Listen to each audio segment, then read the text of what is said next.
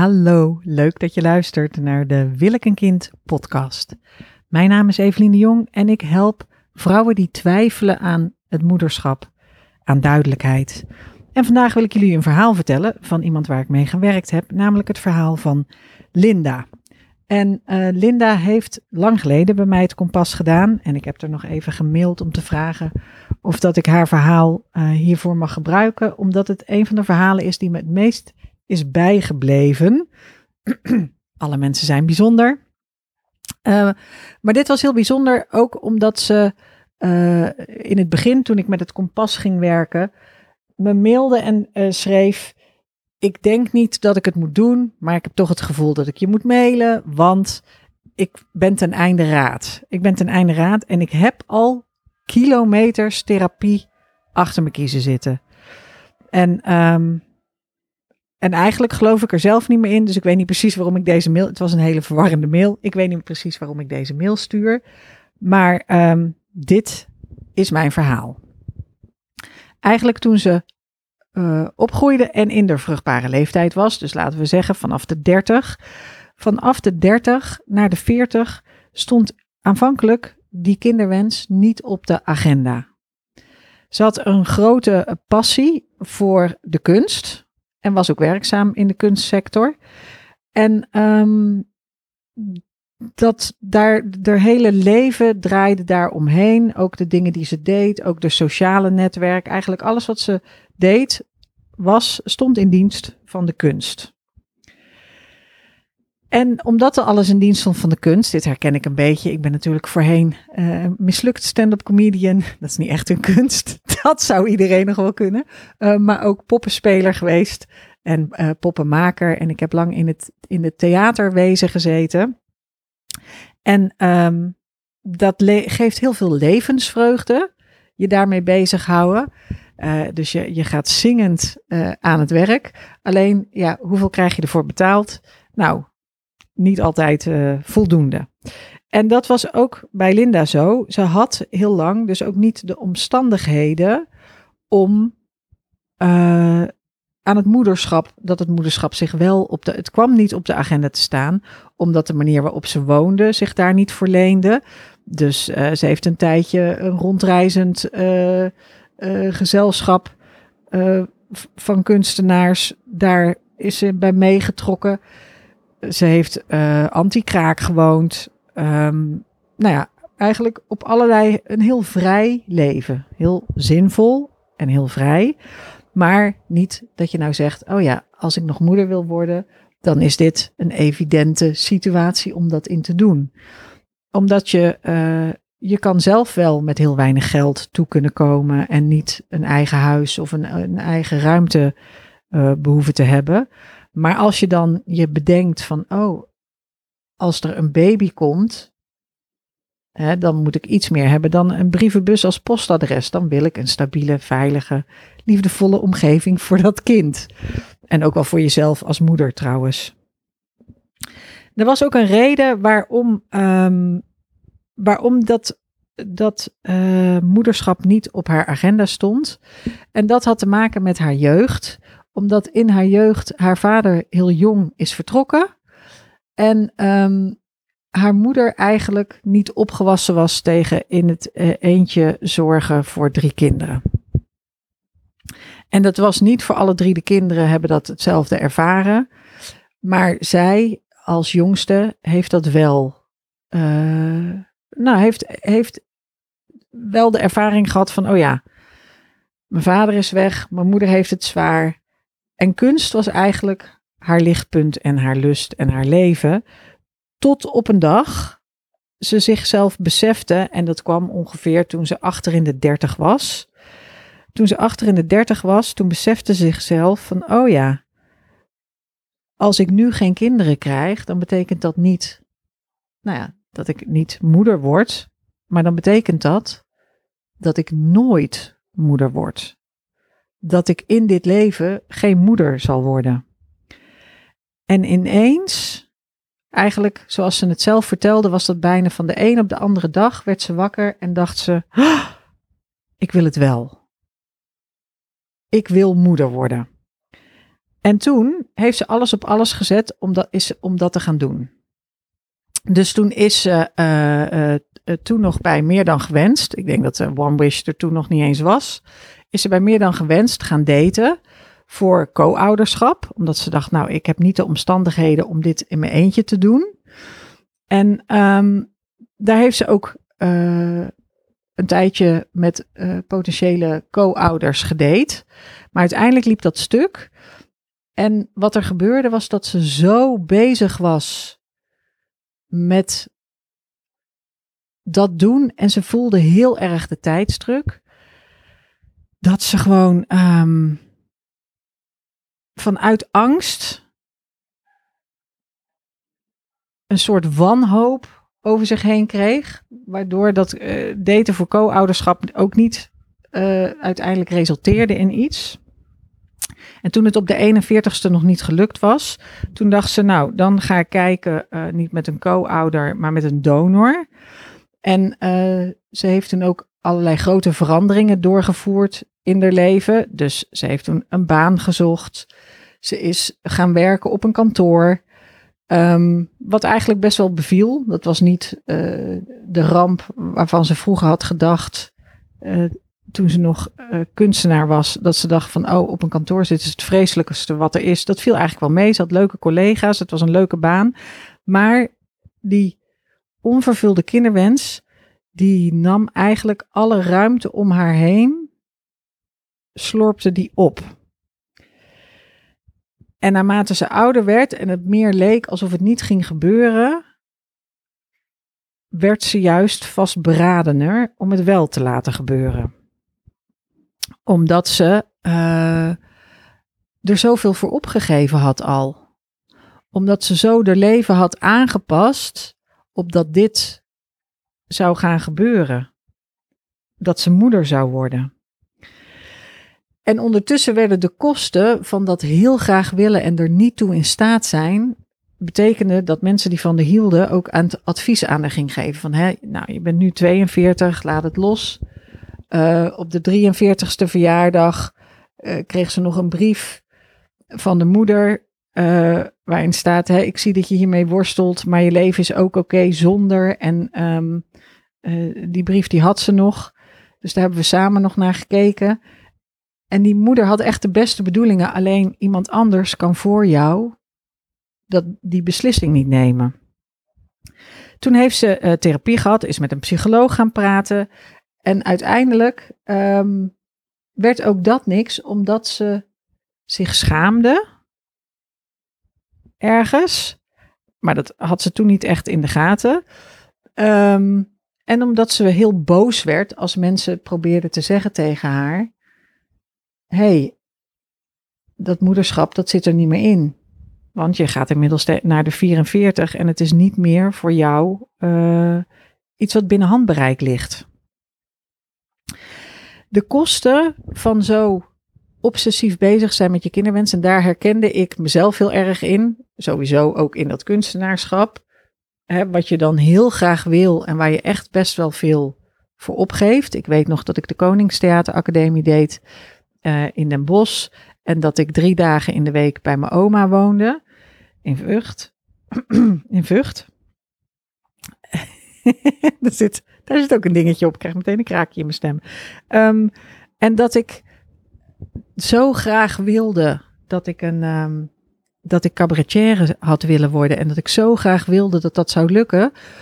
Dat ik daar ook dingen voor opgegeven heb. En het is eigenlijk met alles, als je iets heel graag wil, dan verlangt het een offer van je.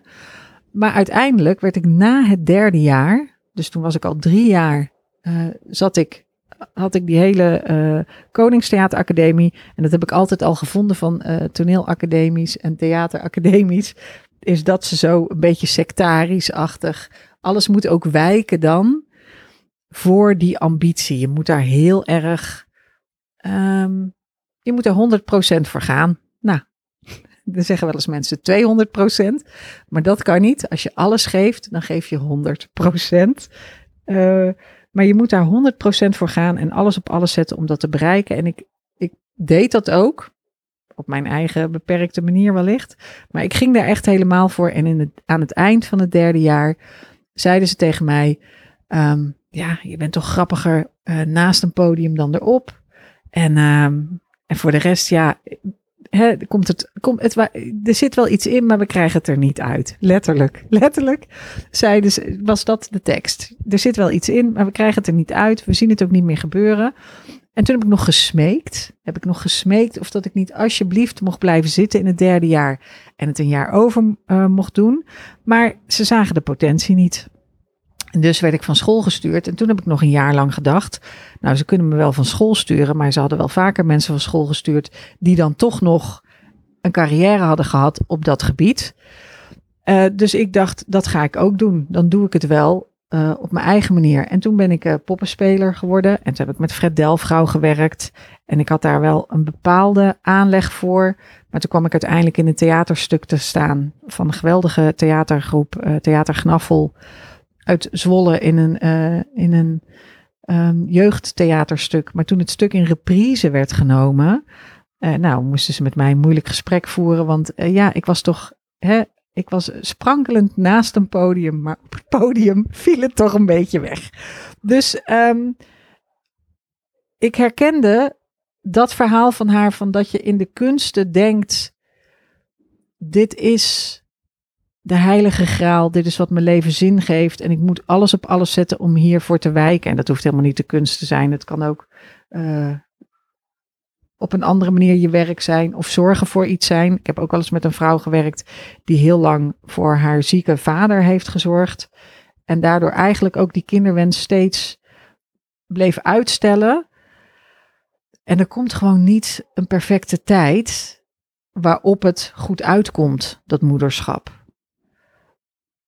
Maar op het moment dat je je realiseert dat het wel eens van uitstel afstel kan komen, is een heel pijnlijk moment. En als je dan in de veertig bent, dan gaat, gaan de mensen die van je houden zich daar ook nog iets mee bemoeien. En dat gebeurde bij Linda dus ook. Dus van haar familie kreeg ze goed bedoeld advies. Ik zit hier konijnenoortjes te maken met mijn vingers, want het is goed bedoeld advies, maar het is, het is geen empathisch vermogen. Mensen leven niet met je mee van, oh wat vreselijk. Dat je nu pas ontdekt dat je dit, dat je toch het moederschap wil. En, en, en dat het je niet lukt. En dat is dan alles wat je voor iemand kan betekenen. Daar komt de punt. Er komt dan niet nog een oplossing, want die is er niet.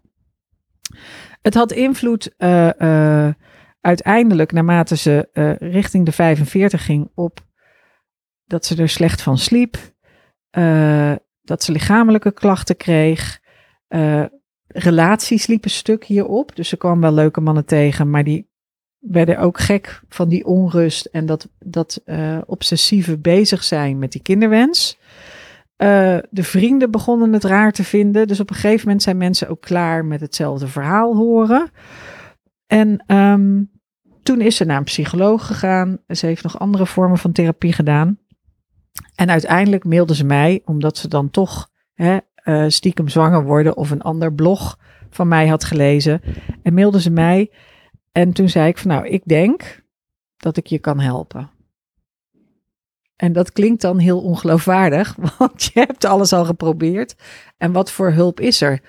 Um, en dat is eigenlijk. Uh, ze had een hele hoop bezwaren. Ze zei: de investering is enorm. Dus, en ik heb eigenlijk echt alles al geprobeerd. Het enige waardoor ze. Ik zei tegen haar: als je. Kijk, Zo'n kompas duurt drie maanden. Je kunt de eerste maand doen en proberen. Als je het dan niet, als het je niet bevalt na één maand. Je hebt alle opdrachten gemaakt en uh, je hebt alles. Uh, dus je doet gewoon netjes het traject zoals ik het uitgestippeld heb. Dan kun je na een maand kun je altijd nog zeggen: ik wil het wel of ik wil het niet. En dan krijg je je geld terug. Als het niks voor je is, en dat zou kunnen, want je hebt al heel veel geprobeerd. En het zou kunnen dat het niks is, maar ik denk dat in deze opzet dat ik je kan helpen. Ik, hè, niet geschoten altijd mis. Nou, omdat ik dus die uh, niet goed geld teruggarantie had, En omdat ze eigenlijk zo vast zat, dus alsmaar doorgaan. Kijk, als je 45 bent, zijn de opties voor het verwezenlijken van je kinderwens, die zijn er nog wel, maar die zijn zo verstrekkend. Dan moet je denken aan eiceldonatie. Je moet uh, eventueel denken aan draagmoederschap. Uh, je hebt een zaaddonor nodig. Dan wordt het, het wordt zo'n complex verhaal. Dat kan allemaal niet in Nederland, dus dan moest je naar het buitenland, toen in de tijd nog. Um, dat ze daar was ze ook doodmoe van. Dus um, toen zijn we aan de slag gegaan. Lang verhaal kort. We zijn aan de slag gegaan. En um, toen bleek dat de externe factoren, dus alle omstandigheden, dat die een veel grotere rol speelden. En dat heb ik, uh, dat zijn dingen die ik. Uh, er zijn weinig dingen. Mensen, er zijn ook mensen die tegen mij zeggen: Goh, ik heb al je podcast geluisterd geluisterd. Heeft het dan nog wel zin om zo'n kompas te doen? Nou, dat, er zit niks uit het kompas in mijn podcast. Uh, en, en van de podcast zit er misschien. Uh, zitten er wel dingen verweven. Maar dit kompas is gewoon een hele gestructureerde uh, opdracht te maken. Um, een traject. Het is een, een opleiding, een traject. Um, die externe factoren, die gooi je eruit in een braindump en die blijf je daarna uh, eruit gooien voordat je aan het traject begint. En iedere keer als er gedachten in je opkomen die niet binnenin jou zitten, maar van buiten komen, dan schrijf je die op en parkeer je die. Omdat je eerst wil kijken naar wat zit er nou echt binnenin mij. En het verlangen dat zij had naar het moederschap was een enorme kluwe van allerlei verschillende dingen. En het was de pijn van de vader die was weggegaan. Het was uh, hoe zwaar ze het moederschap had gezien voor haar moeder. Uh, terwijl het dus uh, voor de andere twee kinderen helemaal niet op die manier was overgekomen. Het was het, um, het gemis en ook van een carrière in de kunst die um, wel heel veel levensplezier had geleverd, maar, maar te weinig had opgeleverd in, in comfort en in inkomsten en in status en in aanzien. En um, dat hoef je helemaal niet. Je hoeft niet per se status en aanzien te hebben. Niet in je werk, uh, niet in uh, uh, de dingen die je bereikt. Dat is iets wat ik, waar ik heel erg aan hecht. Om dat te zeggen tegen mensen die zeggen: Oh ja, maar misschien wil ik wel een leven zonder kind. Dat betekent niet dat je dan Oprah Winfrey hoeft te worden. Of Angela Merkel. Of nou ja, noem, noem ze maar. Ik noem, noem ze maar op. Alle vrouwen die een enorm grote carrière hebben en kindvrij zijn. Er zijn ook heel veel mensen kindvrij die niet een enorme carrière hebben, maar die kan ik niet opnoemen, want uh, nou ja, die weet ik zo niet. Ja, wel in mijn persoonlijke, persoonlijke omgeving. Maar um, dat, die, dat verlangen naar het moederschap, dat hebben we in het kompas helemaal. Hebben die hele warrige kluwen allemaal losse draadjes van gemaakt. En als je die losse draadjes hebt, dan kan je daarna gaan weven. Dan kan je daarna dat in je verhaal verweven en of in je uh, textielkunstwerk. Um, dan kan je kijken naar wat verlangen is en waar de schaamte zit. En um, daarin bleek dus eigenlijk dat die schaamte het ding was. Ze schaamde zich omdat ze zo later achter was gekomen dat ze toch het moederschap had gewild. En ze verlangde ergens wel echt. Er, er zat een intern echt verlangen naar het moederschap. Maar dat verlangen was veel rijker en complexer en genuanceerder dan alleen maar ja, ik wil moeder worden. Maar omdat ze zich schaamde, omdat ze het zo laat pas had ontdekt, kon ze niet die nuances aanbrengen en kon ze alleen maar dat als kracht gebruiken, als voortstuwende kracht en zich erin vastbuiten, bijten, omdat ze het, haar kinderwens, of dat, dat proberen alsnog een kind te krijgen, ook als je 45 bent, was eigenlijk een wedstrijd. En ze wilde gewoon niet verliezen. Dus dat was het. Ik heb altijd een evaluatiemanier, uh, evaluatieformulier, dat je, uh, je schrijft van tevoren heel duidelijk op wat je doel is met het traject. Dus wat je wil bereiken. En uh, aan het eind vul je in van oké, hoe was dit voor je en wat, wat was het probleem waarvoor je kwam? Hoe heb je de sessies ervaren? Wat heeft het je opgeleverd? En dan eventueel nog wat je nog meer kwijt wil. En um, dat is iets waar ze heel stapsgewijs achter kwam. Dus, en die stapjes waren zo klein. Na de eerste, na de eerste maand zei ze wel van oké, ik voel dat op deze manier hier aan werken. Dus zonder wat, het, wat er gebeurt is dat je uit. Ze zat in, met een soort laserfocus alleen maar op hoe kan ik nog aan een eicel komen? Hoe kan ik nog. Uh, uh, want ze wilde het liefst gewoon een kind van zichzelf. Dus er waren ook heel veel mensen die zeiden: kijk naar pleegzorg, kijk naar adoptie. Um, maar alles wat, die, wat andere mensen zeiden, daarvan dacht ze: nee, ik ben autonoom. Ik beslis zelf wat ik wil doen. Ik beslis zelf wat ik, wat ik van mijn leven maak. En ik wil een kind van mezelf. Ook al is het genetisch materiaal, moet ik dat bij elkaar sprokkelen.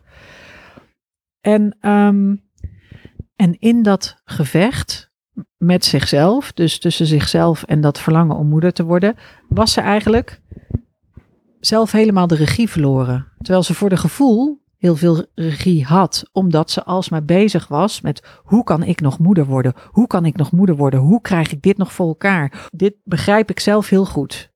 En ik heb ook heel veel vriendinnen die tegen mij gezegd hebben: Nou, even, het was bij jou wel heel erg op het nippertje. Fascinerend dat je nu dit werk doet.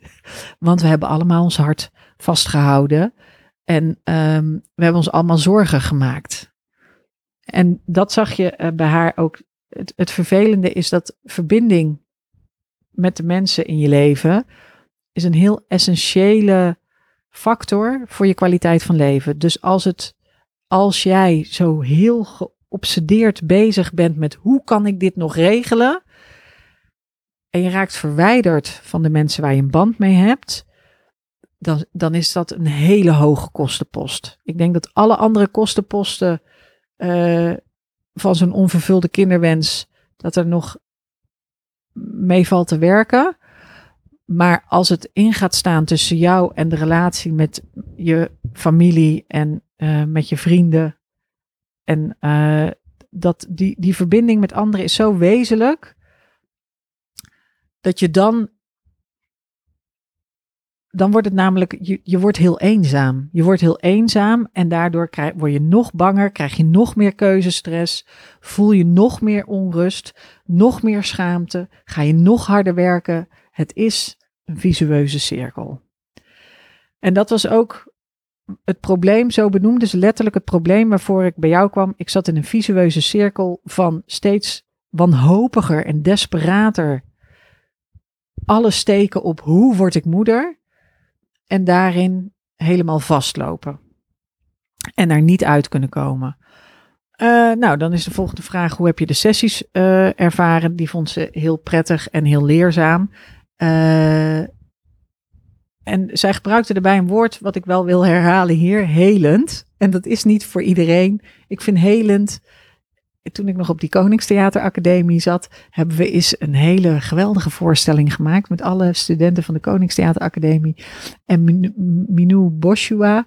En dat was, uh, werkten we met healers. En daar heb ik dat helend van. En dat was een hele erva dat was ervaringstheater. Dan kwamen de mensen binnen en dan werden ze uh, gemasseerd. En daarna kregen ze dus met muziek, werden ze geheeld door de healers. Er was ook een groepje healers. Die zat dan in, een, in, in zo'n uh, in zo'n leslokaal de mensen te healen. En daarna kregen ze met een blinddoek. En dan werden ze op uh, matrasjes gelegd in een hele donkere zaal. En dan kregen ze een bekertje warme anijsmelk. En um, dan werd hun voorhoofd gemasseerd en kregen ze met een warm doekje. Um, en dat was dus een hele helende ervaring. En ik vond dat zo het was heel bijzonder. En de mensen die in die voorstelling zijn geweest, nou, als ze dit toevallig horen, dat was dus in het Koningstheater in het Bos. Ik weet niet of dat het de bloeiende, bloeiende maagden waren of alleen Minou Boschua zelf. Maar dat, daar denk ik, als ik denk aan helend, denk ik aan die voorstelling en aan de warme anijsmelk. Uh, maar goed, de sessies van Wil ik een kind zijn dus ook helend. Um, en dat is helemaal niet voor iedereen, want soms hoef je helemaal niet iets te helen. Maar dat was, dat was het voor haar wel.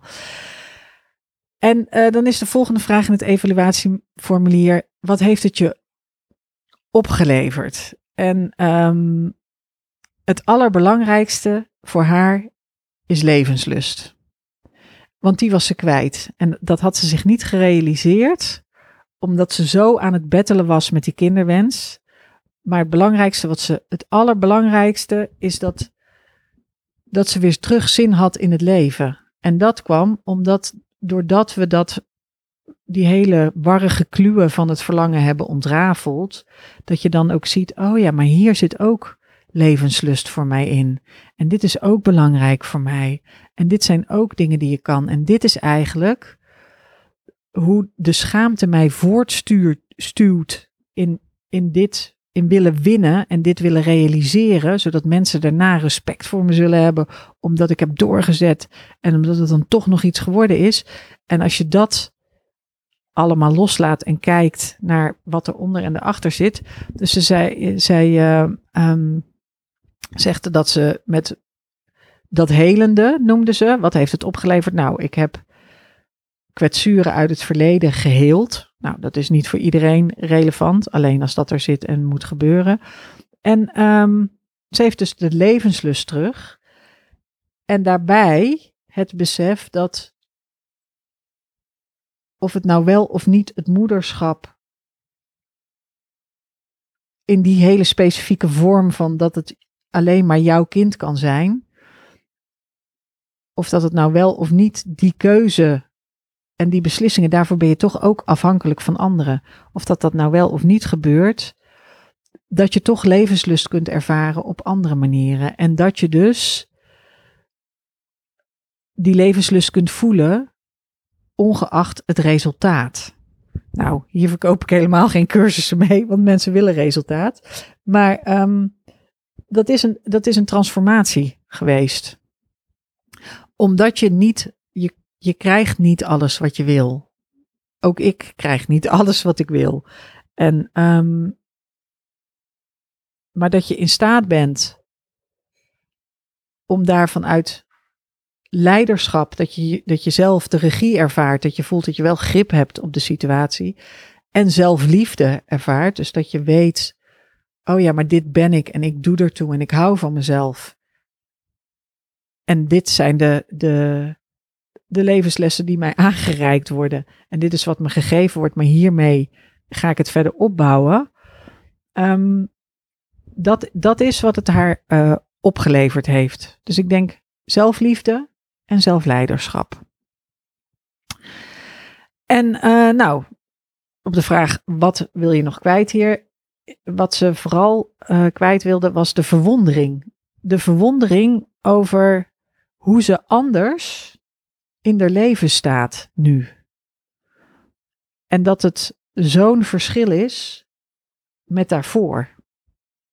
Wat is dus het, wat is dus het, het uiteindelijke verhaal van Linda? Is dat ze, is dat ze uiteindelijk voelde van oké, ik heb me hier nu zo lang in vastgebeten. Ik heb hier zo lang niet naar andere dingen willen kijken dan alleen maar ik wil dit, ik wil dit, ik wil dit. En nu ik achterover al dit werk heb gedaan, het is gewoon keihard werken, want je moet gewoon wel de opdrachten doen en, en het werk doen. Je moet gewoon het werk doen.